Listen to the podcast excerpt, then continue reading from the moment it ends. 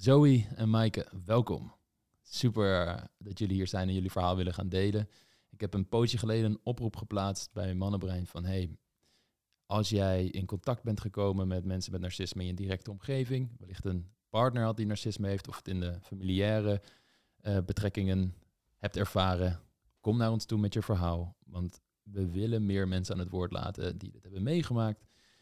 Zodat de mensen die nu in zo'n relatie zitten, erachter komen van oké, ik ben niet de enige. Er is, is niet iets mis met mij. Ik ben, ik ben niet gek. En dat is de, het doel van deze podcast. En ik ben heel blij dat jullie zo moedig zijn. Dat jullie je verhaal hier met mij willen gaan delen. Het voelt nu gewoon heel lekker. We zitten met z'n drieën knuts. Maar ja, er zijn natuurlijk ontzettend veel mensen die er gaan luisteren. En uh, dat bewonder ik heel erg. Dus dank jullie wel daarvoor alvast. En dan gaan we er gewoon gelijk induiken. Ik wil eerst jullie allebei aan het woord laten. En dat zullen we natuurlijk één voor één doen. Tegelijkertijd wordt het een rommeltje. Ja. Uh, over wat precies de relatie was die jij met de persoon die we voor het gemak nu eventjes als narcist noemen. Uh, we hoeven de persoon ook niet bij de naam te noemen. Het mag wel, je kan hem ook een andere naam geven. Dat is helemaal aan jullie. Um, zodat iedereen weet wat er speelt, waarom jullie hier zijn. En uh, Zoe, ik zou bij jou willen beginnen. Hi. Hi. Een soort EE nu van hi, ik ben Zoe. Ja. En, uh, ja. um, nou ja, ik heb mijn ex op uh, 15 jaar leeftijd leren kennen. Mm -hmm. 15 jaar, ja. Ja, en ongeveer vijf jaar een relatie met hem gehad. En um, nou ja, die periode, dat ging echt op en af. Um, je had mooie momenten, maar ook hele slechte momenten. En dat is natuurlijk ook hetgeen waar we dus hier nu over gaan hebben. Mm -hmm. um, ja, je kan denken aan narcisme inderdaad. Ook wel, ook wel fysiek geweld is ook wel plaatsgevonden. Ja, dat, ja, dat eigenlijk. Ja. ja. En hoe oud ben je nu? Ik ben nu 22. Ja. ja dus ik ben nu inmiddels twee jaar geleden um, uit de relatie gestapt. Ik heb de kracht gekregen om er een punt achter te zetten. En nu um, ben ik twee jaar verder. Hmm, zeker, dankjewel. Gaan we zo dadelijk veel op verder. En voor jou, Maaike? Um, ja, bij mij was het uh, mijn vader. En ja, als kind heb je het niet heel erg door.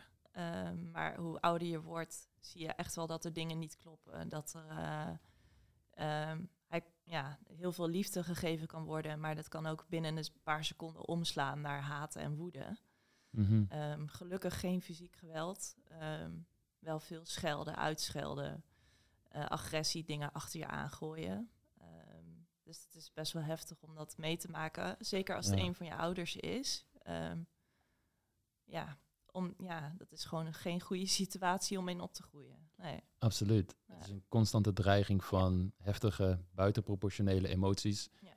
die op jou afgereageerd worden. Ja. Waardoor ik me voor kan stellen, allemaal als kind dat je heel erg op je hoede gaat zijn. Uh, kan je beschrijven voor mij wat de eerste momenten waren dat je door had van er klopt hier iets niet. Dit is volgens mij niet de realiteit zoals het hoort te zijn in een gezin, in een liefdevol gezin. Um, nou, bij ons was het vooral, bij ons, wij waren voor de buitenwereld echt wel het perfecte gezin. Um, iedereen was welkom, de deur stond altijd open, we hadden veel feestjes, um, gezelligheid en ja, vaste gasten ook echt wel, die gewoon ons als tweede gezin zagen. Um, ik weet niet meer precies hoe oud ik was toen ik dat echt voor het eerst door had. Maar zodra de laatste deur uitging, dan was het, uh, ja, was het gewoon ellende. Dan draaide die gezelligheid om in uh, zijn ware aard en zijn bui, laat maar zeggen. En dat was uh, woede, manipulatie, bedrog, schreeuwen. Ja, dat waren eigenlijk de eerste momenten dat ik dacht van nou, dat zie ik niet bij mijn vriendinnen van school. mm. Ja, mm. dat was echt. Uh, maar goed, later, uh, toen ik wat ouder werd, puber werd, uh, dan begin je wel echt dingetjes door te krijgen van nee, ja, dit is niet goed. Je klopt hier iets ja. niet. Ja. Ja. ja, het is een interessant iets dat je zegt van ja, dat zie ik niet bij vriendinnetjes bij mij op school. Maar dat is volgens mij ook de crux in deze hele situatie, dat de buitenwereld het niet doorheeft.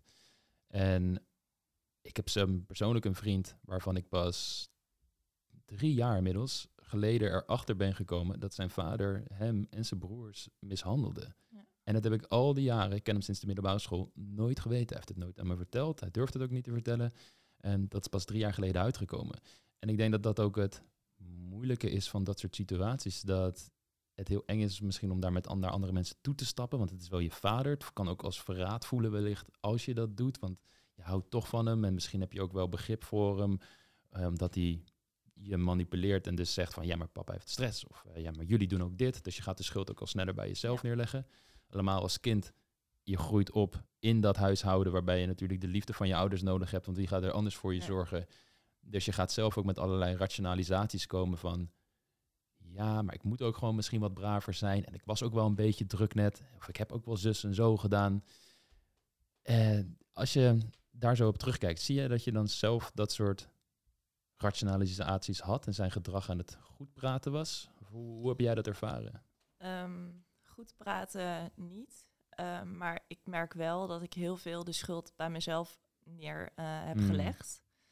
Um, dat heeft voor mij, laat maar zeggen, een overleving geweest. Van als, als de schuld bij mij ligt, dan ben ik degene die daar wat aan kan doen. Want hem ga ik niet veranderen. Mhm. Eh, dat is een beetje mijn overlevingsstrategie geweest. Ja. Um, waar ik nog steeds tegenaan loop. Als er iets niet goed gaat, dan leg ik het bij mezelf. Ook al ligt het probleem niet bij mij. Mhm. Ehm, dus ja, dat, dat soort dingen, dat, uh, dat is zeker aan de orde geweest. Ja. Mhm, ja. Zijn de, dit de dingen die uh, herkenbaar voor je zijn die je hoort? Zo, ja zeker. ja. Uh, hoe, hoe, hoe, was dat voor jou? Wat zijn de dingen waar je van zegt, ja, dit heb ik ook meegemaakt? Um, nou ja, vooral mijn ex die was buiten naar de wereld toe best wel een vriendelijke man. En mm ik kon ook best wel wat charmes loslaten. En ja. het is dat mijn vriendinnen wisten wat er aan de hand was, maar anders hadden ze dat daarvoor ook niet kunnen weten. Um, ja. Hmm. Hoe was dat dan? Want je vertelde je vriendinnen wel over de problemen die jij ervaarde in de relatie. Hoe reageerde zij daarop? Ja, we vonden eigenlijk gewoon dat het niet kon. Van wat hij, wat hij deed. Ehm, ik, ik heb in die periode dat ik iets aan mijn vriendinnen vertelde ook niks achtergehouden. Um, dus ze wisten echt wel precies wat er speelde. En ik heb ook regelmatig teruggekregen van ja, zo wat hij nu doet, dat kan gewoon niet. Maar ik het, het, is gewoon heel bijzonder. Je, je ziet het op een of andere manier. Zie je het gewoon niet. Dat het, hmm. dat het slecht is. Je weet het. Maar ook weer niet. Het is heel lastig uitleggen. Heb je een concreet voorbeeld van een situatie die zich voordeed waarvan je vriendinnen zei, zo dit kan niet, waar jij de ernst niet van inzag?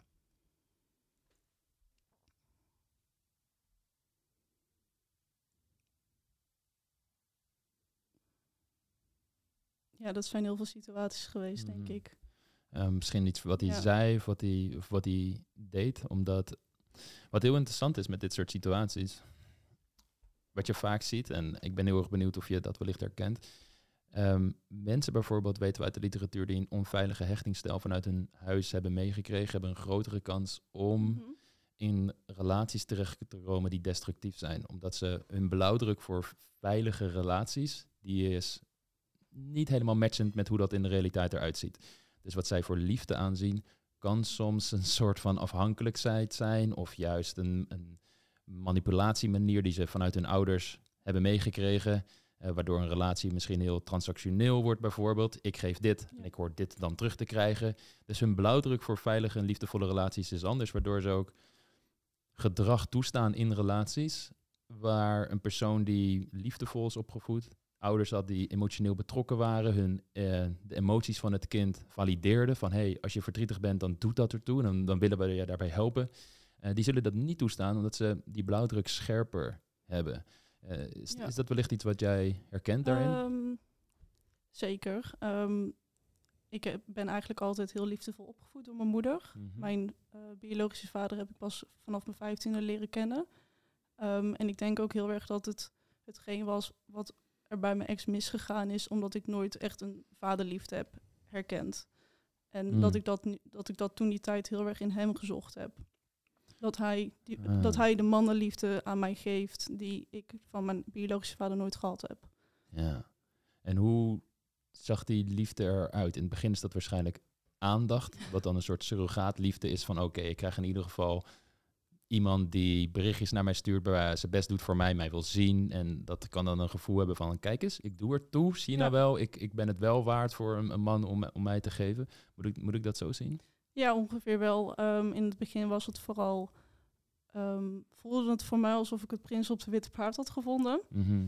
Ehm, hij stuurde lieve berichtjes, ook paragrafen met hoe, hoe leuk hij mij vond. Toen we een half jaar hadden, had hij uh, kaarsje op bed gelegd in een hartjesvorm. Dus hij was echt heel erg bezig om affectie, affectie te tonen dat het Mhm. best wel veel werd. En ook als ik bijvoorbeeld met mijn vriendinnen was en we waren gewoon gezellig aan terrassen, was hij continu, zat hij op mij. Van, ehm, waar ben je? Ehm, dit, dat. Hij zat continu mij proberen te contacteren. Ja. En ehm, ik denk dat dat ook hetgeen is waarom het voor mij zo moeilijk was om hem los te laten. Want hij, eh, klinkt misschien heel raar, maar het voelde als één persoon. Dus niet twee personen die van elkaar houden, maar één persoon die helemaal samengesmolten is. Mhm. En ja, het was toen voor mij best wel lastig om het los te laten. En dan puur ook, ehm, ik was elke dag met hem. Ehm, de, de communicatie, dat, ja, dat liep gewoon heel goed. En ehm, we communiceerden ook heel veel. Dus op een gegeven moment, toen ik Ja. dacht van, oké, als ik het uitmaak, welk leven hou ik dan over? Want hij was eigenlijk mijn daginvulling, mijn weekinvulling. Hmm. Hmm. Ja, dat, een heel interessant punt wat je daar noemt is dat jullie heel veel communiceerden. En wat je vaak ziet is op een, een, een heel zwart-wit gezegd, een relatie tussen twee mensen die veilig gehecht zijn en niet al te veel issues hebben. Iedereen heeft wel zijn staf. Die ontmoeten elkaar, zijn geïnteresseerd in elkaar, gaan rustig kijken of er een match is, bouwen dat langzaam uit en hebben zoiets van, kunnen wij onze levens langzaam bij elkaar brengen? Maar dan gaan die twee levens samen als het ware een soort nieuw leven vormen. Maar het blijft ook nog wel twee aparte Ja. levens die aan elkaar plakken. En wat je bij narcistische relaties vaak ziet, is dat er een, een verbinding plaatsvindt waarbij hij je vooral veel en snel en intense berichtjes stuurt om controle te krijgen over de situatie. En je op die manier binnenhaalt. En jij steeds afhankelijker van hem wordt, steeds meer geïsoleerd raakt. Ehm, gelukkig was je nog jong, dus je kon niet op een financiële manier of wat dan ook afhankelijk waren. Er was nog geen sprake van kinderen. Maar zodra dat ook nog eens in het spel komt, dan zit je vast in een gevangenis waar je zelf de sleutel wel van hebt, maar het komt niet bij je op om hem in de deur te steken en weg te gaan. Je denkt van nee, ik moet hier blijven, want hij zit er ook en ik kan hem niet alleen laten hier. Ja, zo voelde het ook voor mij hoor. Dat ik echt wel compleet geïsoleerd werd van mijn vriendinnen. Dat hij hetzelfde werk wilde doen als ik. Dat hij eigenlijk 24-7 ehm, bij mij wilde zijn. Ook als we een week samen waren, kwam ik thuis en dan meteen weer bellen. Dat ik Mm. soms echt dacht van oké, het is nu eigenlijk wel genoeg geweest. Maar toch wel accepteren, omdat je ook wel bang bent dat hij daar boos om wordt. Van hé, hey, waarom neem je dan niet op? Want Ja. die eh, dingen zijn ook vaak voorgekomen. Ja, de woede die loskomt op het moment dat jij niet voldoet aan het plaatje Ja. wat hij op jou projecteert Ja. van hoe jij moet zijn. Ja, als hij het gevoel heeft dat hij gewoon de controle niet meer heeft, dan, dan wordt hij boos. Ehm, Mhm. Gaat hij manipuleren. Hmm. En een ander interessant ding wat je noemt, Zoe, ik ben heel benieuwd eh, hoe dat bij jou was, Maaike, is ik hoor jou spreken op een manier van hoe hij zijn liefde uitte. Dat was in woorden van affectie, een grote romantische gebaren, correct? Ja, zeker. Hoe heb jij dat ervaren in de relatie tot je vader? Had je het gevoel toen je opgroeide als kleinkind en als tiener nog dat er wel liefde was? En hoe uitte hij zich, hoe uitte hij dat dan? Ehm, bij ons was er vooral sprake van liefde kopen. Dus eh, hij had altijd echt een goede baan gehad, machtsposities in die banen. Eh, we kregen echt heel veel cadeautjes. Alles wat we wouden, kregen we in principe. Eigenlijk heel luxe. Maar zodra je wat fout deed, of hij vond dat je het fout deed, dan moest je ook alles weer inleveren. Dus wat je kreeg was eigenlijk nooit van jou. Want het was gewoon een soort van, eh, kijk, je blijft gewoon lief doen. En dan is het, het werd niet zo gebracht, maar daar kwam het wel op neer. Ja. Mijn broer is op een gegeven moment gestopt met dingen aan, aan te nemen. Van ja, maar ja, dat moet ik straks toch weer inleveren. Dus eh, hou lekker. ja. Ehm, dus op, deze, ja, op die manier werd het bij ons getoond.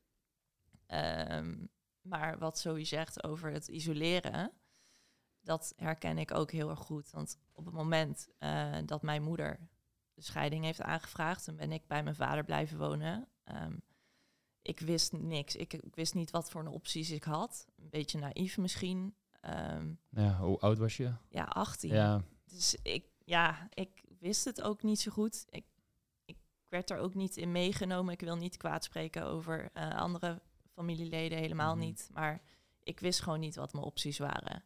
Ja. Dus ik eh, leek mij makkelijker om in het ouderlijk huis te blijven. Eh, maar uiteindelijk eh, is mijn relatie waarvan... Dat is nog steeds de enige relatie waarvan ik dacht... met jou word ik oud. Is daardoor kapot gegaan. Ik had geen vriendinnen meer. Die wisten niet hoe ze met mij om moesten gaan... omdat ik nou eenmaal in die situatie zat. Ehm, dus ik was alleen met hem. Hij ging soms zelfs mee stappen. ja. Wauw. Ja, dus echt die isolatie, ik herken het. Hoe Eh, ging dat? Nodigde hij zichzelf dan uit? eh, nou, mijn broer die was, eh, was een DJ en ik vond het vaak leuk om eventjes, als ik de stad in ging, ehm, daar te gaan kijken. Vond ik gezellig. Dat is mijn grote broer en vond ik leuk. Ja. En, maar ik had op een gegeven moment niemand meer. En hij vond het ook leuk om bij mijn broer te gaan. Dus gingen wij samen. Wauw. ja, dat is gewoon geen gezonde relatie. En Nee, ja. Het gekke is, weet je, je, je kan er soort van nog een van inkomen van, oh leuk, met je vader bij je broer kijken. Het kan een heel mooi vader-dochter ding zijn, maar het is, en dat is ook het lastige van eh, dit soort patronen echt doorhebben, dat het van de buitenkant, als hij eh, bij wijze van spreken een kennis van jou zal ontmoeten in die club, oh, het is de leuke vader, de, Ja. de man die eh, nog met ze, moet je kijken hoe, hoe jong en enthousiast hij nog is. Komt even bij zijn zoon kijken en neemt zijn dochter mee, wat leuk. En dat is het, denk ik ook het, het extra venijnige en moeilijke van dit soort situaties. Dat jij het echte verhaal weet op het moment dat je daar staat. Ja. Maar tegelijkertijd weet je ook, ja, maar ik ga het aan niemand vertellen. Want dan krijg ik al deze shit over me heen van hem. En pff, dat ga ik maar uit de weg. Ja, hij was zo charmant voor de buitenwereld. Eh, toevallig sprak ik een, een paar weken geleden een vriendin en die zei... Ja, ik vond het altijd zo gezellig bij jullie. Ik zeg, ja, maar je hebt Ja. geen flauw idee wat er achter die deur afspeelde als iedereen weg was. Ja. En ik weet zelf niet eens waarom ik daar niet over gepraat heb toen. ja. Ja, Hoe is dat geweest dat je... ehm, hoe is het proces gegaan waarbij je steeds meer geïsoleerd raakte en je vriendinnen ze afstand deden van de situatie? Waarschijnlijk omdat ze ook jouw leed zagen. Of dingen zagen waar zij moeilijk mee om konden gaan en dachten van ja, we kunnen hier niks mee.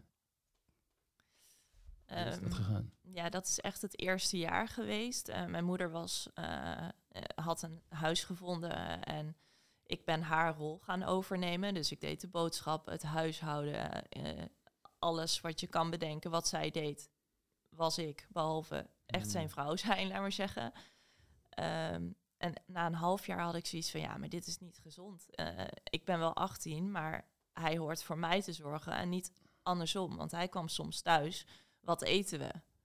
Ja, sorry, Hmm. maar Hmm. en toen ben ik daarmee gestopt. En toen begon de echte ellende. Dat was dan na een half jaar. En eh, nou, dan was het eh, letterlijk, jij doet geen flikker in huis. Eh, dat, toen begon de woede en de haat. En eh, ik, de, ik deed niks goed. Ehm, dat is echt, het werd manipuleren. Ehm, tot twee keer toe heeft hij mij uit huis gezet. En na een week zei hij dat ik het had verzonnen, dat ik het verkeerd had begrepen. Dus kon ik weer terugkomen.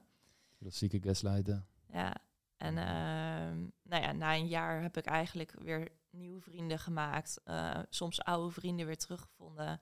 Ik werd financieel wat minder afhankelijk van hem, doordat ik zelf weer werk vond. Eh, want ik ben ook gestopt met mijn studie toen op dat moment, omdat uit huis gaan voor mij de prioriteit had. Ehm, en na een jaar, ja, toen kreeg ik een beetje mijn eigen sociale leven terug. Heb ik een nieuw vriendje gevonden. Maar toen begon de ellende wel weer meer, nog meer te worden. En dat hij, hij had geen grip meer over mij. Hij kon me alleen nog, hij probeerde me alleen nog thuis te houden. Van als ik dan op een kamer eh, naar een kamer ging kijken, dan zei hij ja, dan moet je wel dit en dit zelf betalen. En dan heb je een, re- een, een mega schuld. En je moet je school zelf gaan betalen of terug gaan betalen op dat moment. Hij hield mij thuis. Ik kon, Ja. niet gewoon, ik kon gewoon niet weg. Je hield je afhankelijk van de financiële middelen die jij had. Ja. Waar jij op dit moment gebruik van moest maken om überhaupt te kunnen functioneren in de maatschappij zoals we hem hebben ingedeeld. Ja, ja Mm. ik stond er. eh, ja, dat vind ik een beetje lullig om te zeggen. ehm, want ik wil gewoon geen kwaad spreken over andere gezinsleden. Ja. Maar ik heb wel het gevoel dat ik daar alleen voor stond. Ja. Mm. Ja. Hoe heeft je moeder zich uiteindelijk weten te bevrijden uit deze relatie? Ehm, nou, dat is echt eh, op mijn. We wisten wel dat hij bijvoorbeeld vreemd ging al jaren. Daar ben ik als kind achter gekomen, onder andere. Ehm, op een gegeven moment, ik was net 18 en ik had mijn eerste rijles. En ze kwam bij mij, eh, voor haar heel emotioneel, want ze wou al jaren bij hem weg. Maar ze durfde de stap niet te maken en heeft eigenlijk steeds gezegd, nee, wachten tot de kinderen zelfstandig zijn. Maar ze kon het gewoon niet meer. En toen is ze toch ondertussen gaan zoeken naar een huis. En ze kon ook echt zeggen van, ik ben naar de advocaat geweest en we gaan uit elkaar. En toen is ze op korte termijn ook weggegaan. En dat is ook de juiste manier geweest. Want anders had ze dat, uh, had, was ze niet zo snel weggekomen. Ja. ja. Dus in het geheim zorgen dat ze een plan B had, waar ze snel naartoe kon schakelen op het moment dat ze de boodschap aan hem bekend maakte van ik ga bij je weg. Ja, ja. precies. Helder. Ja. Hoe heb jij die relatie ervaren tussen jouw vader en je moeder als kleinkind? Wat heb je daarvan gezien? Um, ja, het voelde niet hartelijk. Uh, je hebt wel eens bij, dan had je, uh, was je bij iemand van school op bezoek en dan was het, ja, dan voelde je gewoon de liefde, laat maar zeggen, binnen een huis of binnen twee ouders. Ja. En dat was bij ons gewoon absoluut niet zo. Dat, uh, mijn moeder deed de opvoeding, omdat mijn vader die werkte gewoon veel. Mijn moeder zorgde voor ons. Um, en als hij thuis kwam s'avonds laat, dan ja, was het of gezellig of het was ruzie. Het, ja, het was geen, geen gelukkig huwelijk. En mijn broer en ik zaten ook echt wel op het moment te wachten tot mijn moeder de stap zou zetten om, uh, hmm. om bij hem weg te gaan. Want het was, geen, ja, het was gewoon niet gezond. Heb je daar toen de tijd met je broer over gehad? Van hé, hey, volgens mij wat er hier gebeurt bij ons thuis is niet helemaal pluis ja, we hebben wel gesprekken gehad. Alleen, ja, hij is zes jaar ouder dan dat ik ben. En ah. ertussen zit ook niks. En zij had een heel ander leven. We hebben nooit dezelfde fases doorlopen. Dus ik zat nog op school, hij werkte al. Uh, Dus dan is het, ja, vond ik het lastig om daarover fatsoenlijk als volwassene over te hebben. Want ik was zelf nog niet eens volwassen. Dat ben ik heel snel moeten worden, laat maar zeggen. Um, dus nee, ik denk niet uh, dat wij daar heel echt goede gesprekken over gehad hebben. Nu wel, maar toen niet. Nee. Hmm. En nu kun je daar goed over spreken. En eh, merk je dezelfde soort ervaringen die hij, dat hij het op dezelfde manier heeft ervaren? Of kijkt hij er anders naar? Nee, hij heeft het echt anders ervaren. Uh, hij is namelijk uit huis gegaan toen mijn moeder ook de stap heeft genomen om uh, te gaan scheiden. Dat kon hij financieel ook. Uh, nou ja, ik was 18, hij was 24. Hij kon ook weg. En hij heeft niet de heftige ervaringen met uh, mijn vader uh, gehad zoals ik die heb gehad. Hmm. Dus dat, uh, daar hebben we het wel wel eens over. Mijn broer, het is, ja, mijn broer weet nog alle leuke dingen van vroeger. En ik totaal niet. Hmm. ik ben die herinneringen echt kwijt. Hmm. Ja. Als je dit zo hoort over hoe die relatie was, herken je dan dingen die je zelf hebt ervaren in de relatie met je ex?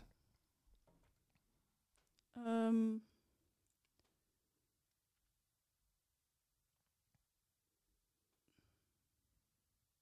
ik moet even nadenken hoor.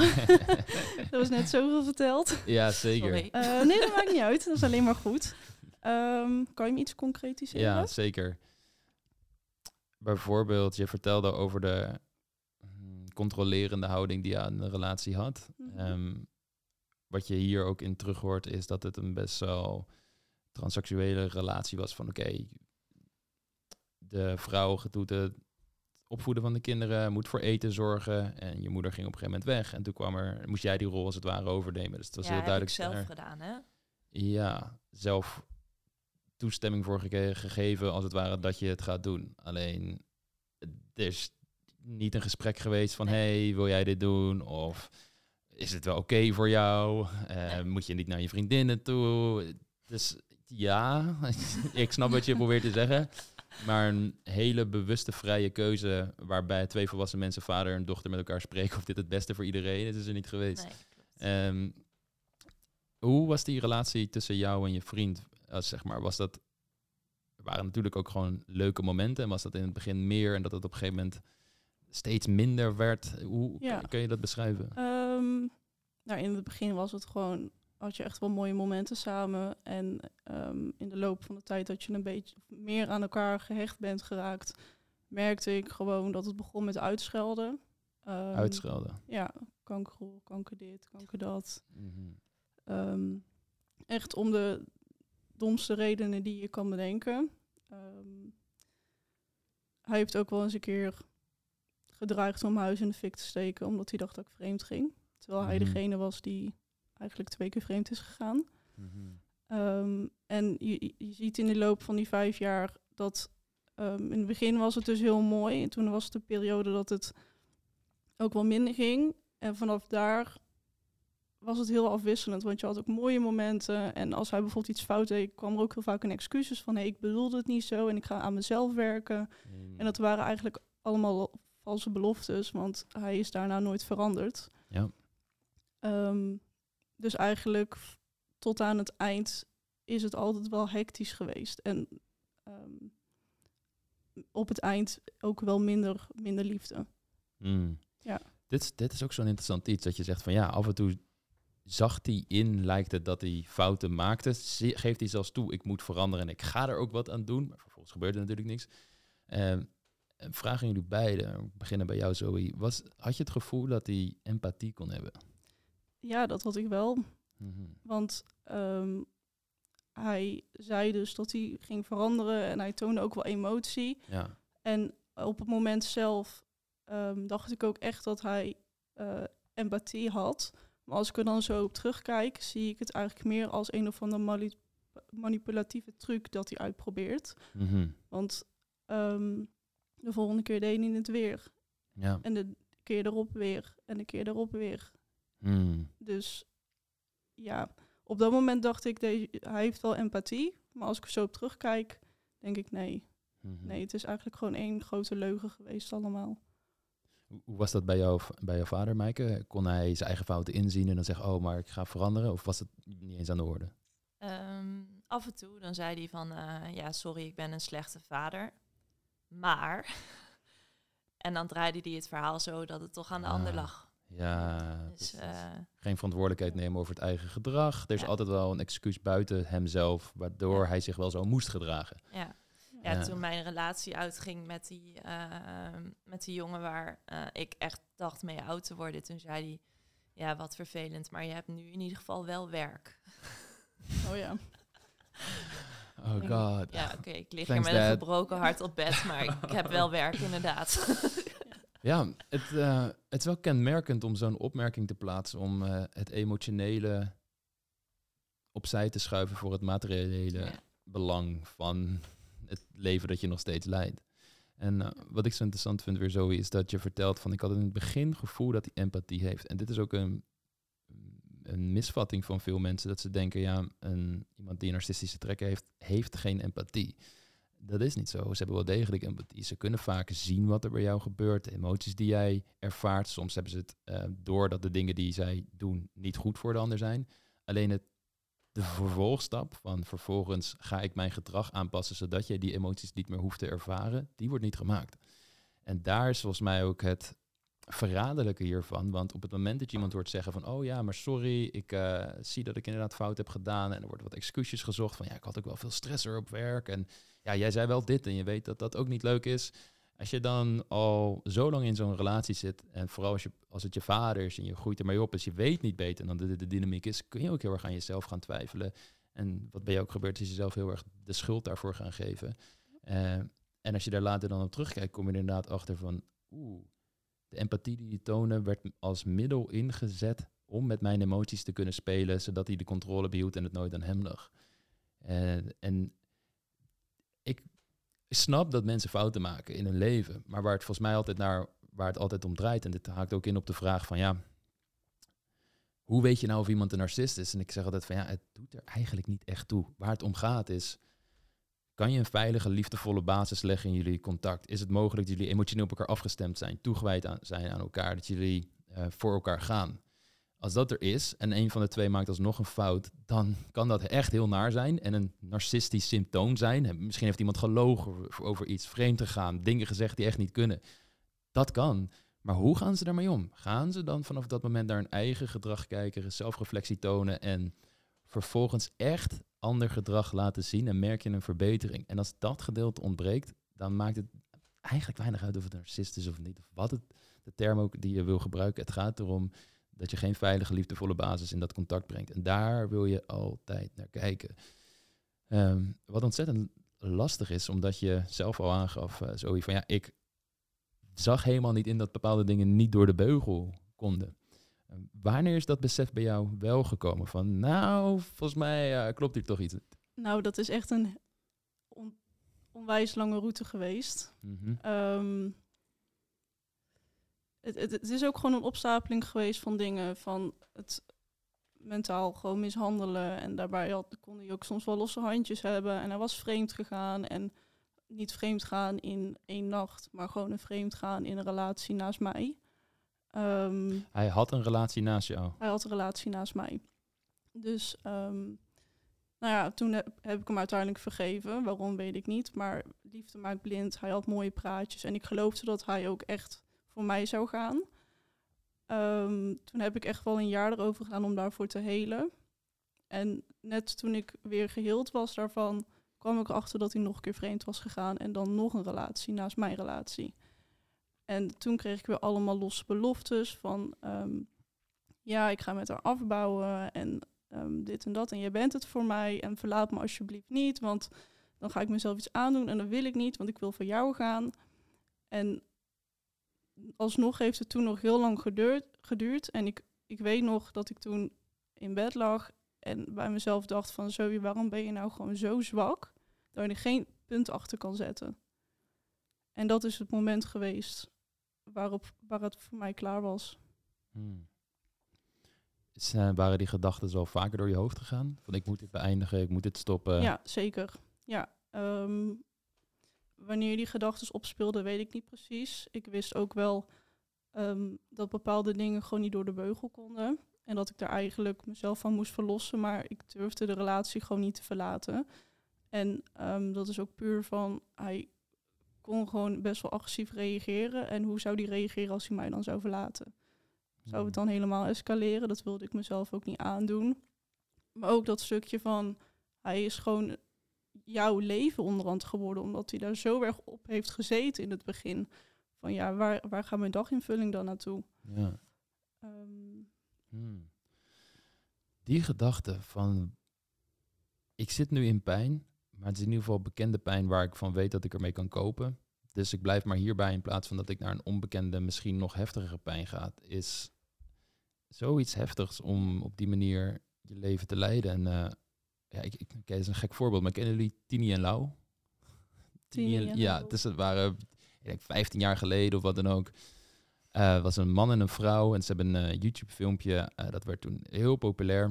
Onder de naam Internetgekkies valt het dan. En Tini en Lau, ik weet niet meer wie wie was, maar in ieder geval die man die schold zijn vrouw de hele tijd uit. Was op alles boos, super zaggerijnig. En toen, ja, ik was tiener. Ik vond het grappig met mijn vrienden. We gingen dat nadoen en dat was gewoon een van die dingen die je net, uh, ja, dat was iets grappigs waar je naar keek. Maar als ik daar nu naar terugkijk en ik denk, wow, deze mensen zijn tientallen jaren volgens mij samen geweest. En deze man, zelfs op camera, scheldt zijn vrouw verrot. En is dit de energie die de wereld inbrengt en in die relatie inbrengt. Zij leeft haar hele leven in een ware hel. En jij hebt er vijf jaar in die relatie gezeten. Uiteindelijk heb jij de stap kunnen zetten van, oké, dit is echt niet goed en ik ga hier uitstappen. Maar er zijn mensen die die stap niet maken, verder afbrokkelen, groot, meer afhankelijkheid krijgen, soms een kind erbij gaan nemen, uh, zich nog meer pleasend op gaan stellen in de hoop dat ze aan de wensen kunnen voldoen van de ander, waardoor ze alleen maar hun eigen identiteit meer kwijtraken, dat ze zo erg verweven zijn en dat ze niet meer uit die situatie te trekken zijn, want omgeving gaat je ook steeds meer loslaten, zoals jij ook ervaren hebt. Um, wat is het, denk jij, Zoe, dat er toch in jou zat van, nee, ik laat niet zo met me omgaan, het is nu klaar. Ja, dat vind ik heel lastig om te zeggen. Ik denk dat er bij mij gewoon een knop om is gegaan. Dat ik op het laatste moment gewoon alle waarheden voorbij heb zien gaan van dit kan gewoon niet. Ik, ik, ik weet niet, ik, er is ook niet echt een gouden handleiding hiervoor om hiervan af te komen. Mm -hmm. Ik heb gewoon een knop op kunnen zetten en dat heeft mij heel veel tijd gekost. En ik weet eigenlijk ook wel vrijwel zeker dat ik in de laatste twee jaar van die relatie al aan het verwerken was dat ik het uit zou maken. Mm. Dus ik, ik had het al verwerkt voordat ik de knoop doorhakte. Ik moest het eerst verwerken. Op een of andere manier. Hmm. Snap je dan wat ik bedoel? Ja, be- bewerk, eh, verwerken van oké, ik heb in deze situatie gezeten en ik ga dit loslaten. Ja, Eh, op die manier. hmm. ja. Wat interessant wat je zegt is dat je alle waarheden op een gegeven moment voorbij zag komen. En ik vind die woordkeuze heel interessant, omdat waarheden een soort erkenning is van het misbruik dat hij heeft aangedaan. En wat je vaak ziet is dat op het moment dat mensen nog in de fantasie leven van het komt nog wel goed en misschien als ik me anders opstel wordt de relatie beter, dat ze die waarheden anders zien. Van ja, hij heeft wel me misschien geslagen, maar het viel wel mee of het was een incident. Dus het wordt altijd zo verdraaid dat het niet wordt aangekeken voor de feiten die er daadwerkelijk, die er da- echt daadwerkelijk zijn. Ja. Ja.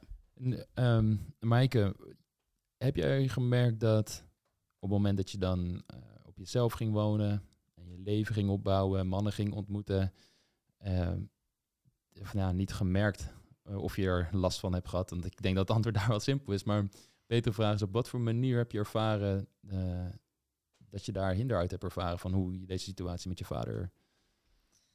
Ehm, ja, ik heb wel. ehm, ik merkte op een gegeven moment aan mezelf dat ik sociaal niet zoveel meer durfde. Ik had opeens heel veel moeite om eh, in groepen mensen te zijn, bijvoorbeeld. Eh, Mm. Ik werd daar heel onzeker van. Van wat vinden mensen of wat denken mensen over me.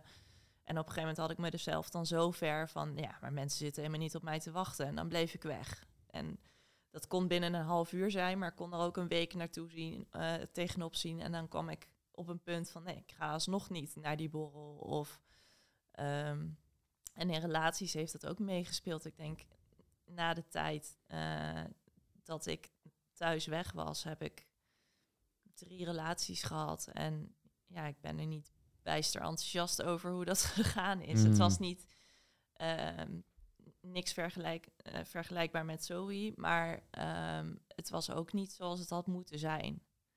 Ik kan het niet zo heel goed uitleggen, maar het heeft wel meegespeeld. Ik zit nu ook bij een psycholoog en dan twee jaar geleden is er dan eh, complexe PTSS bij mij vastgesteld. Gaat nu, eh, is nu wel bijna weg, maar er zijn nog heel veel dingen wat te maken hebben met die tijd van vroeger. Van twijfelen aan jezelf. eh, mijn zelfbeeld is niet zo goed. Ehm, mijn psycholoog heeft ook aangegeven, ja, je hebt gewoon geen veilige hechting gehad. Dus voordat je dat wel kan met iemand, zijn er gewoon nog stappen te zetten. Mhm. En eh, dus daar werk ik nu eerst aan voordat ik weer een relatie aanga. Want dat heeft gewoon geen zin op dit moment. Hoe werk je eraan? Met een psycholoog samen, met schematherapie. Schematherapie. Ja, ja. Ah. En merk je veranderingen in hoe jij nu in het contact met mensen staat? Ehm, soms. met groepen mensen kan ik nog steeds niet heel goed omgaan. Eh, thuiswerken heeft dat voor mij echt heel makkelijk gemaakt. Ja, je hebt twee chille jaren Ja, gehad. maar ik moet eh, ook weer een keer terug. En Ja. daar zie ik nu wel tegenop. Ja. Eh, dat weten ze ook wel op het werk. Ehm, maar ik wel, merk wel dat ik wel wat beter in mijn vel zit. Ehm, ik ben niet zo extreem onzeker meer. Ik weet wat ik kan en waar ik goed in ben. Maar ik weet ook waar ik tegenaan loop. Ja. En daar kan ik wat mee. Dus, ja. Hmm, hmm. Ja, en die relaties die je gehad hebt, ik. Het moeilijke van op het moment dat je in de kind-ouderdynamiek jouw emoties niet erkend worden, je altijd de schuld krijgt, je niet ziet hoe je op een open, eerlijke manier kunt praten over een situatie waarbij de situatie gecreëerd wordt dat twee partijen elkaar echt beter proberen te begrijpen. Dus ik me kan voorstellen dat het heel lastig is om, wanneer er problemen zijn in de relatie, daar op een constructieve manier de dialoog over aan te gaan. Zijn, zijn dat bijvoorbeeld dan dingen waar je tegenaan liep? Ehm, nou, ik denk dat het eerder te maken heeft met eh, dat ik mezelf eh, zwak vind. Als ik Mm. moet huilen bijvoorbeeld, of ik ben verdrietig of ik voel me niet goed. En dat ik dat dan niet toelaat. Dat ik de ander niet toelaat op dat niveau en dat ook aangeef. Ik denk eerder in dat opzicht Hmm. dan ja, wat jij aangeeft. Ja. Helder, ja. En zijn dat dingen voor jou ook die... bijvoorbeeld, ik weet dat je nu weer een nieuwe relatie hebt. Je bent Ja. sinds twee jaar eh, weer samen. Ehm, waren dat dingen waar het begin van de relatie nog tegenaan liep? Dat jij nog vast zat in de patronen uit die eerste relatie? Ja, zeker. Ehm, en dat is met name omdat ik in het verleden bij mijn ex, als ik dan bijvoorbeeld iets aan wilde kaarten van hé, hey, dit vind ik, vind ik niet fijn, ehm, zou dat anders kunnen? Dat de schuld eigenlijk altijd bij mij neer werd gelegd. En wat ik dus nu eigenlijk, vooral in het begin, daar ben ik nu wel vanaf. Um, ja, nog niet helemaal, maar wel voor een groot gedeelte. Ja. Ehm, dat als ik um, assertief wilde zijn naar mijn vriend of mijn mening over ergens wilde uiten, dat ik echt wel lichamelijke reacties kreeg. Trillen, zweten, hartkloppingen. Mm. Echt voor moest bereiden om zo'n gesprek met hem te voeren. Terwijl het eigenlijk heel simpel kan zijn. En het dan uiteindelijk toch nog niet doen. Omdat ik het niet aandurf. Omdat ik bang ben voor zijn reactie. En ik weet ook echt dat mijn vriend nooit iets kwaads zou doen. Maar mijn lichaam is zo geprogrammeerd op als ik iets moeilijks aankaart, dan gebeurt er dit. Um, dus dat, ja, dat vond ik, dat is echt wel hetgeen waar ik heel veel moeite mee heb gehad. Om assertief te zijn naar mensen en om voor mijn eigen mening op te durven komen. Mm En is dat iets waar je nu actief mee aan de slag bent gegaan? Ja, ik heb um, therapie gehad, EMDR en cognitieve gedragstherapie. Um, en EMDR, ja, dan hebben ze eigenlijk gewoon mijn trauma's verwerkt. En ik, ik merk ook wel dat ik nu meer assertiever kan zijn um, naar, ja, naar mijn vriend en maar ook wel naar andere mensen toe.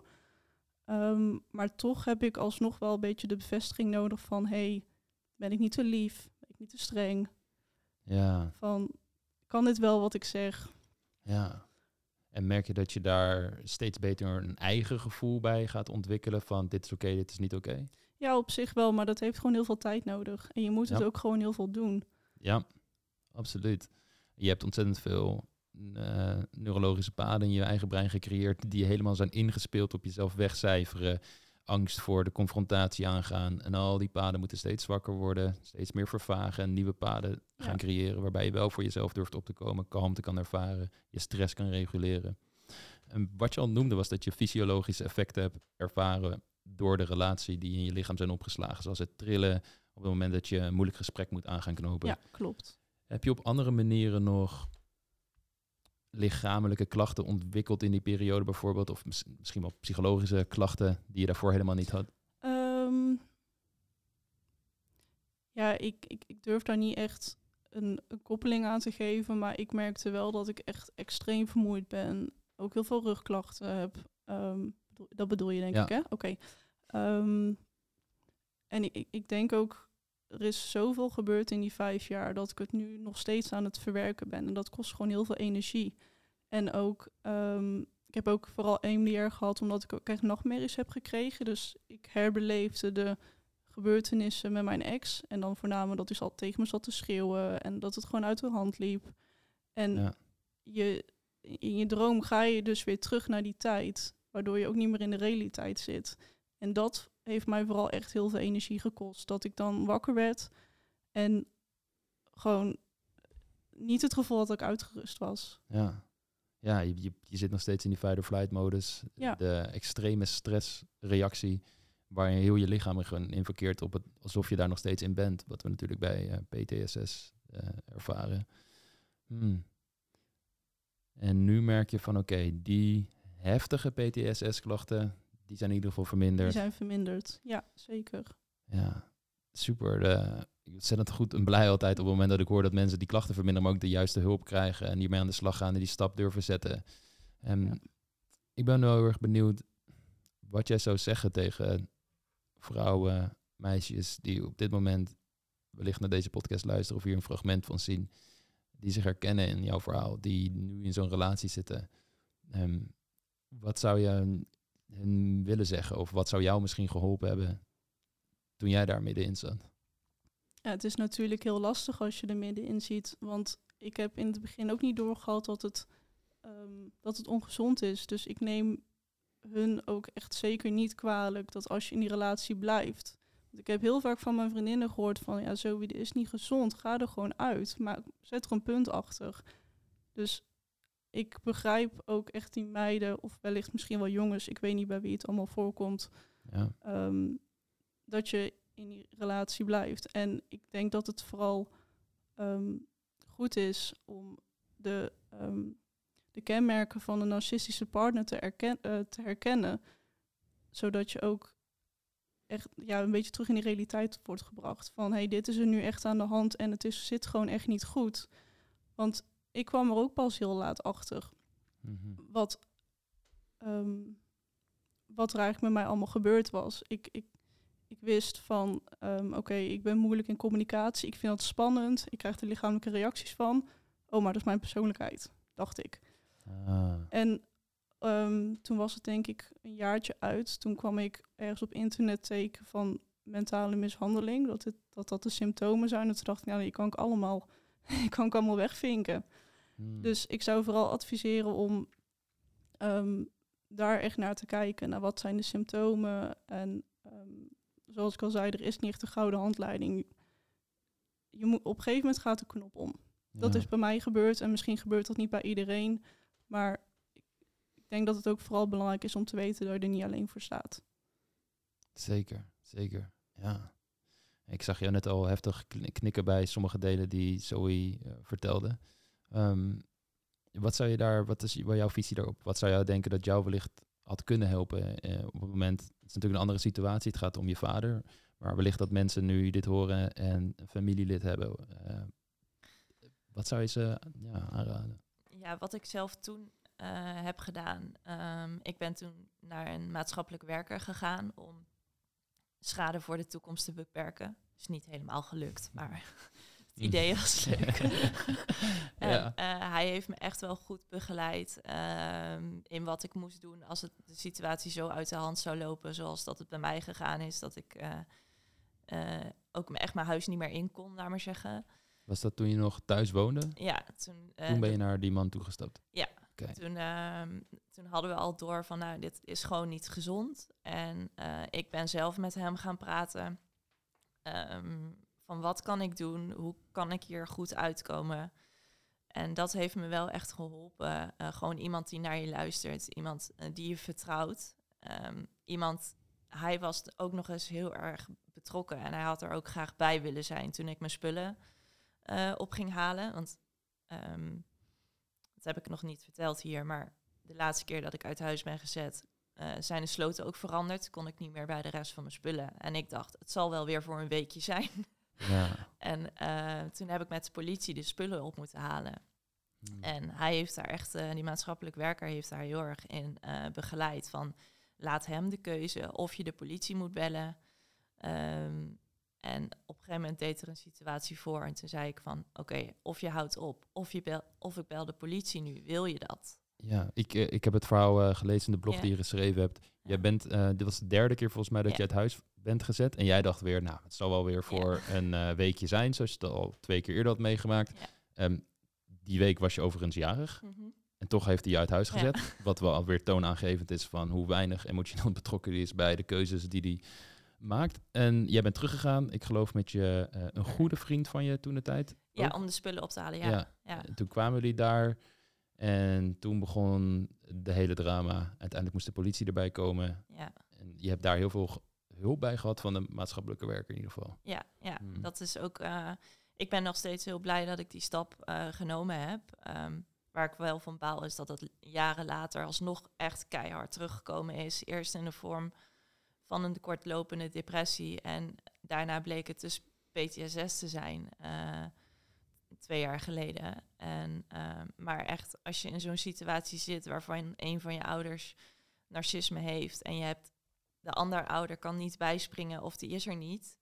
Ja, ga naar een huisarts of naar een maatschappelijk werker, naar een psycholoog. ehm, maar weet dat, zorg dat iemand ervan af weet die je advies erin kan geven. Want die keuzes, ik kan er niet alleen zelf uitkomen als kind. Ja, Ja, absoluut. Dat is zo cruciaal dat je iemand hebt die, die je echt kan vertrouwen. Van weet, deze persoon heeft het beste met mij voor. En heeft ook de know-how om mij te begeleiden om Ja. uit dit proces te gaan. En eh, of het nou je vriend is, of het een familielid is, of dat het misschien zelfs al de vader van je kinderen is of wat dan ook.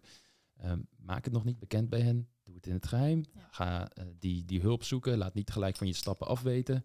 Zorg dat je iemand hebt die met jou een strategie gaat bepalen hoe je jezelf uit die situatie kunt bevrijden. Want het hangt natuurlijk heel erg van de situatie af. Maar vooral een situatie waarin ook sprake kan zijn van fy- fysiek geweld, is, kan het heel erg uit de hand lopen. En, ehm, en daar is het gigantisch belangrijk dat je de juiste hulp en begeleiding krijgt. Ja. Zelfs politieagenten hebben het niet door. Hoor. Nee, nee, zeker, Nee. zeker. Die, hij heeft het die avond wel echt ingepakt. Eh, ze geloofden mijn verhaal niet. Hij zei, eh, ze zeiden van die man heeft het moeilijk. Zijn vrouw is bij hem weg. En eh, nu gaat zijn dochter ook uit huis. Ja. Alsof ik het vrijwillig deed. En ik geloof zelfs dat jij tegen die agent zei van, ja, maar ik- hij heeft letterlijk de sloten veranderd. Ja. Kijk dan. En dat, daar wilde hij niet eens naar kijken. Nee, ik probeerde mijn sleutels in zijn handen te drukken. Van probeer maar. En hij wou het niet. Ja. En we waren de straat nog niet uit. Of eh, hij was weer in zijn slachtoffer. eh, of bij de politie was, in, was hij heel erg in de slachtofferrol. Wat ook echt wel herkenbaar is. En we waren de straat nog niet uit. Of eh, zijn ware aard kwam weer naar boven. En die zei: Ja, die PlayStation. die ik voor mijn verjaardag had gekregen. die is helemaal niet van jou. ja. ja, dat is echt bizar. Ja, en dit is ook wat het zo lastig maakt om erover te praten. Omdat er mensen zijn die dit niet first hand, eerste hand hebben ervaren en zoiets hebben van, ja, dat zal allemaal wel meevallen. Maar jij hebt waarschijnlijk wel een beetje mee bijgedragen aan, aan deze situatie. En wat ik zelf ook zie in sommige video's die ik hierover heb gemaakt, dat mensen daar, die dit wel hebben meegemaakt, natuurlijk weer gigantisch door getriggerd raken. En zeggen, jullie begrijpen het niet. En daar weer heel veel olie op het vuur gaan gooien. En dat het zo'n enorme discussie gaat worden. Wat je ook heel veel vaak hoort, is dat mensen zoiets hebben van ja, heel veel mensen zeggen er komen meer narcisten in de maatschappij. Maar eh, ja, het is een soort heksenjacht. eh, het zal allemaal wel meevallen. Het is dus gewoon een soort rage. Eh, hoe, hoe zien jullie dat? Wat is jullie beeld daarbij? Voor zover als jullie het zelf vertelden aan andere mensen, hadden- konden jullie begrip rekenen? Of hebben jullie ook wel nare ervaringen daarmee gehad? Ja, op zich wat ik ook net benoemde, dat als ik het met mijn vriendinnen erover had, dat ze ehm, eigenlijk tegen mij zeiden van ja, waarom verlaat je hem niet? Dus ehm, ik denk dat het voor heel veel mensen heel moeilijk is om je te verplaatsen in iemand die dus dit meegemaakt heeft. Of Ja. op dit moment aan het meemaken is. En ehm, ik vind het ook oprecht erg om te horen dat er dan zoveel meisjes of jonge slachtoffer hiervan zijn. Dan denk ik, ja, de- de- ik snap gewoon niet waarom je een persoon zoiets aan kan doen. Ja. Mhm. En ze presenteren zich naar de buitenwereld ook echt als de, de ideale man of vrouw. Ja. eh, de perfecte partner. ja. Mensen die geloven niet dat er zo'n kant aan zit. En dat maakt het ook lastig. Ja, absoluut. Absoluut. En eh, ik, eh, ik heb het ook wel eens van de andere kant gehoord dat er mannen bij mij kwamen. Geven ook datingadvies aan mannen. Die vertelden van ja, ik heb eh, wat van je video's gekeken en ik herkende mezelf eigenlijk in de dader. Ben ik nu een narcist? Hoe zit, hoe zit dat dan weer?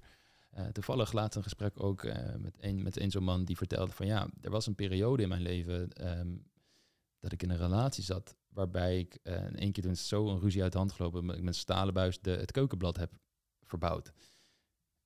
Daar heeft hij gigantisch veel van geleerd. Dat in de relatie daarvoor, daarna in ieder geval geen fysieke uitingen van geweld deed. Maar het kwam er nog wel uit in verbale vorm.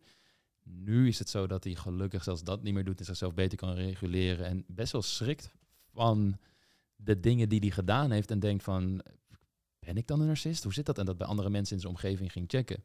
En ik denk dat dit het ook moeilijk maakt soms om over te praten. Omdat mensen naar psychologische stoornissen of narcistische trekken kijken als een soort tumor die iemand met zich meedraagt. Dat zit in jou.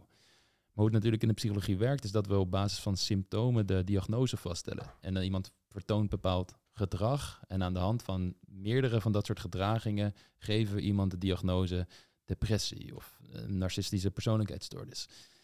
En omdat we allemaal wel enigszins narcistische trekjes vertonen en soms zelf ook niet allemaal helemaal in lijn handelen met hoe we het idealiter zouden zien, kan ik me voorstellen dat het soms ook lastig is van ja, heb ik hier nou te maken met een narcist of is het gewoon een slecht moment van die persoon? Eh, zouden jullie zeggen van nou, dit is wel echt een heel duidelijk verschil tussen eh, iemand heeft gewoon een slecht moment of het gaat even door een lastige periode of dit is waarschijnlijk wel een situatie waarin je echt te maken hebt met iemand met wie je in ieder geval niet een liefdevolle relatie kan hebben. Ik denk dat als jij op een moment iets aangeeft van hé, hey, ik vind dit niet chill. Of ik zou graag dat dit anders eh, gaat of dat je dit niet meer doet. ehm, dat, dat ze dan niet de schuld bij jou neerleggen. En dan Mhm. ook ehm, daarnaast wel nog wel benoemen van hé, hey, eh, ik ga eraan werken, maar dan het vervolgens ook niet doen. Ik denk dat dat wel best wel een duidelijk teken is van hé, hey, hij zegt iets, maar hij komt het niet na. Dat, Hmm. en dat is natuurlijk niet een periode zo. Want als je een periode slecht voelt, ja. dan denk je daar zelf ook over na. Ga je er zelf ook over reflecteren van hé, hey, wat kan ik dan beter doen? Maar narcisten die doen dat niet. Die gaan de volgende keer doen ze weer precies hetzelfde. ja. Het is geen verbetering van het Nee. gedrag. Dat is hier volgens mij de kern. Was, eh, zie je, is dat voor jou hetzelfde, Maaike?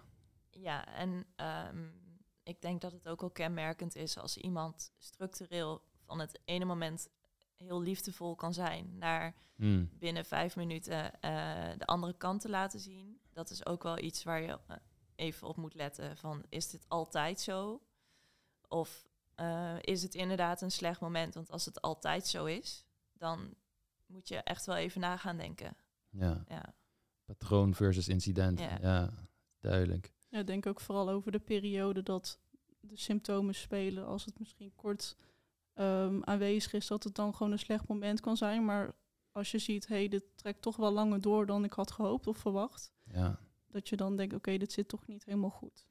Ja, en ook een herhaling van bepaalde patronen, denk ik. Omdat eh, soms merk je dat de narcist bepaalde dingen doet en merkt van oké, ik ben hier wel echt over een grens gegaan. Dan komen de excuses, dan komen de valse spijtbetuigingen. Vervolgens komt de afschuiving van verantwoordelijkheid op zaken buiten zichzelf. En soms komt nou ook een, periode die ook in ehm, relaties ziet waar sprake is van mishandeling, dat er een soort honeymoon fase komt waarbij ze je weer juist sweet talk en juist weer binnenhalen en je weer op een voetstuk zetten. Zodat je niet bij hen weggaat, ze weer controle over je krijgen. Jij denkt van, oh ja, zie je wel, het zijn toch wel leuke, het is toch eigenlijk wel een leuke man of toch wel een leuke partner. En dat je dat moment dat het weer eventjes goed is als rationalisatie gaat gebruiken om toch bij hem te blijven en de cirkel niet te doorbreken. En meestal komt dan weer de periode dat je merkt van oeh, hier gaat het weer een beetje veranderen. En er komt weer zo'n moment van shit, ik heb iets gedaan, het gaat hij waarschijnlijk niet leuk vinden. Of je, je leeft gewoon je leven en je hebt niet eens door van ik heb iets verkeerds gedaan de bliksem slaat weer, slaat weer in. En als je dat patroon door gaat hebben en je ziet van oké, het is de hele tijd hetzelfde soort loopje waarin ik gevangen zit. Vaak wordt het ook steeds heftiger.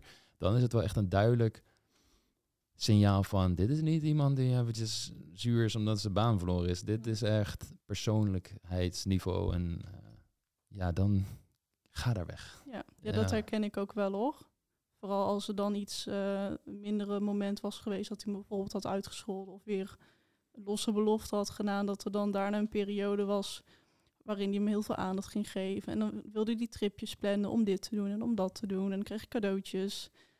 En ehm, ja, dat, dat, dat is dan ook gewoon heel verwarrend, want je houdt gewoon vast aan de goede momenten en de slechte momenten. Ja, ik ben ook iemand die alleen maar het goede in mensen ziet. Hmm. En dat is misschien aan de ene kant een hele goede eigenschap, maar aan de andere kant ook niet.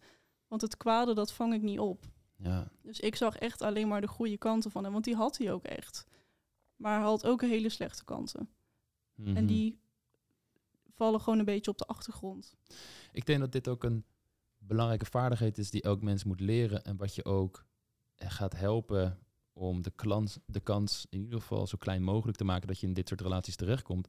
Is dat je niet alleen maar vriendelijk bent uit default option. Een soort van, dit is mijn standaard modus van en ik heb eigenlijk geen tanden. Maar dat je in ieder geval, zoals Jordan Peterson dat zo mooi zegt, het, het- de schaduwkant in jou, de, de, het monster in jezelf los kan laten. In ieder geval voor je grenzen kan staan wanneer dat nodig is. En wanneer je die eigenschap niet hebt, dan ben je een, een makkelijkere prooi, om het zo maar te Ja. zeggen, voor mensen die misbruik van jou gaan maken. Want je hebt geen tanden, je gaat niet van je afbijten. Ja. Klopt, ja, ik ben ook iemand die heel empathisch is. En ehm, ik had ook wel het gevoel dat u daar wel flink gebruik van maakte.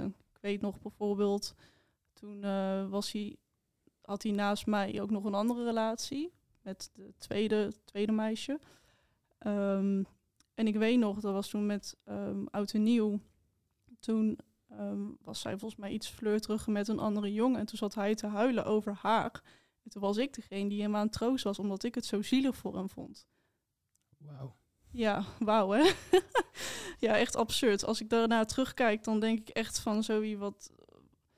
Hoe heb je het ooit in je hoofd gehaald? Hmm. Dat je gewoon je vriend aan het troosten bent omdat hij verdrietig is over degene die, waar die mee vreemd gaat. Ja. Insane. Eh, Ja. Wel heel lief. ja. Ja. ja, maar zo zie je ook maar wat voor diepte mijn empathie heeft. Oh, Die gaat heel diep. Ja, ja, ja. Het zou zoiets waarschijnlijk aan jezelf verkocht hebben op dat moment. eh, als, als rationalisatie. Kan je nog iets herinneren van de gedachten die je op dat moment had? Kun je, dan, kun je dat nog voor de geest halen? Of hoe je je voelde? Of? Ehm, ik voelde me ehm, zeg maar op het gebied van, hey, hij is verdrietig over een ander, voelde ik me wel kut. Maar ik voelde me vooral kut om, om hem verdrietig te zien. Hmm. Ja, heel bijzonder. Ik weet ook niet hoe dat ooit zo logisch in mij, Mhm. hoe, hoe dat voor mij logisch heeft. eh, Ik herken het wel. Want wat hij ook deed eh, bij mij thuis, Mhm. ik had altijd medelijden. Ja. Ja. Bij mij was het vooral mijn taak om hem te willen helpen en te willen steunen. En ik denk, het klinkt eh, een beetje hetzelfde. Mhm. Ja. Mhm. ja. Als hij gelukkig is, dan eh, was jij ook gelukkig. Ja. Jouw geluksniveau hangt heel erg af van of hij lekker in zijn vel zit, als het ware. Om meerdere redenen. Natuurlijk één, omdat als hij niet gelukkig is, krijg jij de volle laag. Maar twee, ook omdat je emotioneel heel erg begaan bent met gewoon medelijden eigenlijk. Omdat je ziet dat hij ook lijdt. En ik denk dat dat ook iets is wat het extra moeilijk maakt en waardoor heel veel vrouwen nog langer in zo'n situatie blijven zitten. Je hebt zoiets als traumabanding. Ik weet niet of jullie daar wel eens van gehoord hebben. Nou ja, ik weet wel bijna zeker dat ik dat gehad heb. Mhm. Voor de mensen die niet Ja. weten wat het is, kun je het, kun je het uitleggen? Ehm, Of in ieder geval hoe jij dat ervaren hebt. als ik mijn ehm, relatie met mijn ex en met mijn huidige vriend moet vergelijken, dan was het met mijn ex vooral obsessieve liefde. Dus liefde die gecreëerd werd door berichtjes, ehm, dingen doen, communiceren. En dat doe je natuurlijk ook wel met je huidige vriend. Maar ehm, bij mijn huidige vriend is het, hij hoeft niks te zeggen. Het is gewoon, het gevoel is er. En ik had heel erg het idee dat bij mijn ex ehm, dat het werd gecreëerd. Dat het er niet zat, maar dat Ja. het door hem werd gecreëerd. Ja. Ja, zeker. En jij bonde waarschijnlijk ook op het soort van wat je net al vertelde, dat het je heel veel deed wanneer hij gezielen eh, Ja. verdrietig was. En wat je vaak ziet is dat mensen die eh, zelf veel trauma's hebben meegemaakt en op zoek zijn naar liefde van iemand anders en daar geen goed beeld bij hebben, dus rondlopen met een idee van eh, aandacht is al een vorm van liefde, die soort pseudo-liefde, dat wanneer ze iemand tegen die hen dus een façade geeft van liefde. Het heeft kenmerken van liefde aan de buitenkant, maar het is leeg van binnen. Het is een soort ballon die je kunt doorprikken. Dat je daar dan op gaat verbinden en denkt van, nou, het is in ieder geval beter dan, dan niks. Ik heb in ieder geval Ja. wat. Ik, krijg, ik heb in ieder geval iemand in mijn leven. En omdat hij je dat, ge- dat gevoel wellicht geeft voor het eerst, en in jouw geval was het, je hebt geen vader in je leven gehad, waardoor die mannelijke energie een bepaald gat bij je opvoerde, opvulde waarschijnlijk, waar je van dacht, ah, nu eindelijk kan ik dit, dit eindelijk ervaren. Ja. Ehm, ga je er helemaal mee verbinden en zit je daar als het ware aan vast. Je versmelt er mee. Ja, en ik wist zelf ook niet zo goed hoe, wat een gezonde relatie precies inhoudt. Ja. Want ik heb dat daarvoor nooit ervaren. Dus het klinkt misschien heel raar, maar dat was voor mij misschien wel normaal op dat moment. Hoe die relatie met mijn ex was. Ook Ja. al als je er nu op terugkijkt, denk je echt van... Waar, hoe heb ik daar vijf jaar lang in kunnen zitten? Ja. En toen het uitging en jij maakte het uit, eh, hoe was dat? Eh, liet hij je makkelijk gaan of juist totaal niet? Nee, hij ehm, probeerde mij weer op een manipulatieve manier terug te krijgen. Tenminste, dat vind ik heel erg. Ehm, hij eh, vertelde aan zijn familie dat hij zich aan het snijden was. En dat hij eh, misschien wel zelfmoord wil plegen omdat ik nu weg ben. Ehm, ik geloofde het niet, dus ik zei, nou stuur maar een foto van je wond. Toen stuurde hij het in het zwart-wit. Toen dacht ik, ja weet je, dit slaat gewoon nergens op. Ehm, en ook Dat, dat überhaupt gewoon, weet je Ja. wel. Zeg maar, hè? Ja, echt. het is zo bizar allemaal. ja, het is echt heel bijzonder op wat voor manier ze je dan terug proberen te krijgen. En ik Mhm. weet ook nog, ehm, ik denk dat dat laatst was. Ik denk een paar maanden geleden. Toen eh, kreeg ik een volgverzoek op Instagram. En toen eh, was hij dus. Klikte ik op zijn profiel, keek ik in zijn bio. En toen had hij daar dus een koosnaampje neergezet, wat hij dus altijd tegen mij zei. En, dit ik was een paar maanden geleden, zei je. een paar maanden geleden. Dus ik dacht, probeer je mij nou serieus echt op zo'n manipulatieve manier terug te krijgen? Hmm, het is al anderhalf jaar uit. En nu krijg je nog steeds een vervolgverzoek Ja. met een koosnaampje in zijn bio. Wat alleen jullie met elkaar deelden. Klopt. Ja, dus Hmm. ja, heel bijzonder. En daartussen ook wel ehm, mijn huidige vriend, die kende mijn ex ook. En die zei ook van, hey, ik heb een relatie met haar. En toen zei hij, dat kan niet, want ik wil met haar zijn. Dat kan niet. Dat Ik kan kan met haar zijn. Ja. Ah. Oh ja, sorry. Dus dan, eh, dan maak ik het wel uit. Ja. ja, ik, ik weet ook niet wat daar zijn doel van was. Maar Mhm. Het, het is niet dat er echt een hele periode was dat hij nog contact met mij zocht. Het waren vooral kleine, kleine dingetjes. Mm. En dan hoorde ik soms ook wel van een vriendin van mij van... hey, ehm, ik kwam laatst tegen en hij vroeg wel met hoe, hoe het met je is, et cetera. En eh, hij vroeg aan mij of het handig is dat hij contact met mij opneemt. Dus zei mijn vriendin, nou, dat zou ik maar gewoon even niet doen. Gelukkig heb je zulke vriendinnen. Ja, inderdaad. Super. Hoe, was, hoe was dat voor jou, Maaike, toen je uit huis ging? Eh, die laatste keer dat je nou, uit huis ging, uit huis gezet werd. Ehm, qua contact met ja. hem. Ehm, de eerste periode eh, ging ik af en toe mijn kat nog opzoeken daar. En oh, mijn meubels en zo stonden daar ook, mijn bed en dat soort dingen. Ehm, maar dan ging ik eigenlijk... in eerste instantie mocht ik alleen komen als hij thuis was. En dan ging ik gewoon met die kat even in een andere ruimte zitten. Ik wisselde zo weinig mo- mogelijk woorden met hem.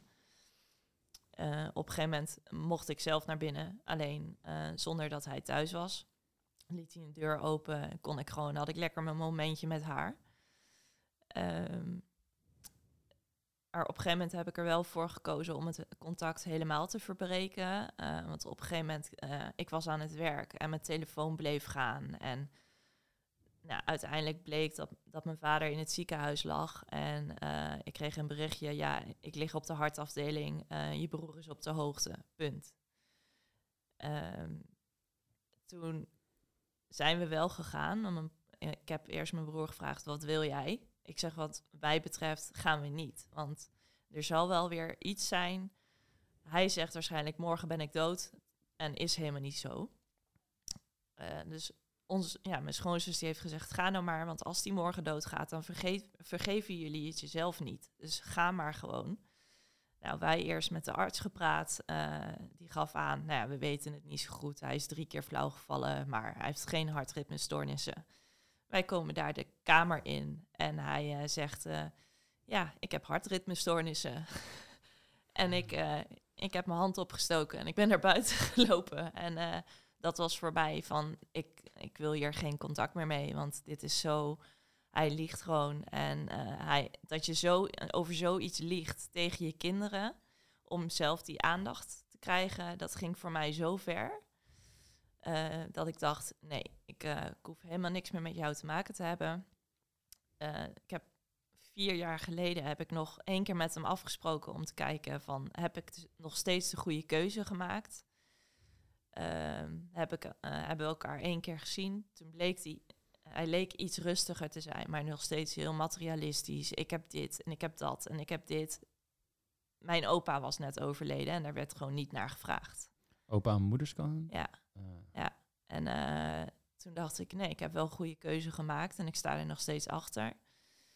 En nu sinds afgelopen november heb ik hem ook overal geblokkeerd. Want ik kreeg inderdaad af en toe nog volgverzoeken, LinkedIn-verzoeken, eh, Instagram, eh, Facebook, alles. En op mijn verjaardag kreeg ik ook berichtjes eh, om me te feliciteren. En ik merkte dat ik daar nog zo boos van werd, dat ik dacht, ik ga dit helemaal afkappen. Ik, en dat doet me ook goed, dat, dat ik die keuze heb genomen. Ik, ik vind het ook, ehm, mijn vader zeg ik alleen omdat het makkelijk is. Maar tegen vrienden noem ik hem hij. mm. Of eh, bij zijn voornaam. En, eh, maar ja, dit is wel voor mij de manier wat werkt. Ik mis hem niet. Ik hou, er niet, ik hou niet van hem. Ehm, hij heeft heel veel schade eh, aangericht. En eh, hij is eigenlijk de titel niet waard, vind ik. Ja.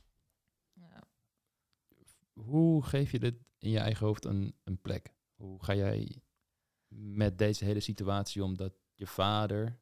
eh, Voor iedereen natuurlijk een belangrijk persoon in, in zijn of haar leven. Dat dit de relatie is die jullie hebben. En heel veel mensen hebben natuurlijk een verstoorde relatie met hun, ouders. Het is, je bent daar zeker niet de enige in. Maar hoe, hoe, wat is jouw manier van daarmee omgaan? Ehm, nou, in het begin, wat ik ook al aangaf, gaf ik mezelf altijd de schuld ervan. Ehm, maar ik weet, het heeft nooit aan mij gelegen. Het is me overkomen. Ehm, en voor mij is dat de manier wat werkt. Eh, kijk, een ouder, ehm, ja, daar kom je nooit vanaf. Ja. Maar als die ouder geen goede ouder is, dan heb je daar ook een keuze in wat je daarmee doet Mhm. hoe moeilijk het ook is. Maar eh, dat is wel de manier om jezelf eh, terug te vinden, laat maar zeggen. En jezelf daarvan te bevrijden. De verantwoordelijkheid terugpakken over Ja. jouw geluk. Ja, Ondanks dat er dingen zijn die jou zijn overkomen. Ja. Niet in de slachtofferrol blijven hangen. Je bent wel slachtoffer in de situatie. Maar alsnog is het jouw verantwoordelijkheid om iets van je leven te maken. precies. Hmm. Ja, ik kan hem overal de schuld gaan, van gaan geven. Van eh, bij alles wat tegen zit, bij een lekke band. eh, eh, eh, weet ik veel. Het is ook heel fijn. Maar het is niet de manier waarop je verder komt. Nee. nee, zeker. In het begin deed ik dat nog wel hoor. Dan raakte ik bijvoorbeeld. Ik, ik werkte in de detailhandel. Nou, iedereen weet dat je daar geen vast contract kreeg. Mhm. ja, eh ben we, krijg ik geen vast contract, want dit en dit. Hmm. Ja, dat was in het begin even handig om dat allemaal af te schuiven, maar dat werkt niet.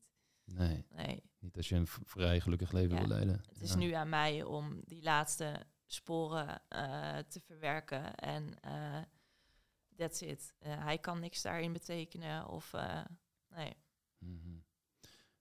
Dank jullie wel voor het zo openhartig delen wat jullie hebben meegemaakt. En ik hoop heel erg dat vrouwen die zich nu hier herkennen en nog in zo'n situatie zitten, ook mannen die het luisteren en bekijken wat dat betreft, dat ze echt de moed vinden om de stap te zetten. Echt voor zichzelf te kiezen, geluk te gaan vinden. Erkennen dat wat er gebeurt niet oké is. En iemand gaan zoeken die ze vertrouwen. Zij het de huisarts, zij het een therapeut, een psycholoog. Iemand die naast je staat, die je kunt vertrouwen. Ehm, en ik hoop dat eh, we hier ontzettend veel mensen mee gaan helpen. Nogmaals, ontzettend bedankt. En eh, ja, ik, eh, voor de mensen die dit nog horen en luisteren. Als je merkt van oké, ik zit hierin en ik wil een bericht sturen. Weet dat het ook naar Mannenbrein kan. Dan eh, zullen wij je doorverwijzen. Voor nu, dit was het einde. Tenzij jullie nog een eh, prachtige uitsmijter hebben. En eh, ja, dat was hem. Thanks. Graag gedaan. Graag gedaan. Ik hoop dat, eh, dat we hier veel mensen mee kunnen helpen. Gaat goed komen. Dank je.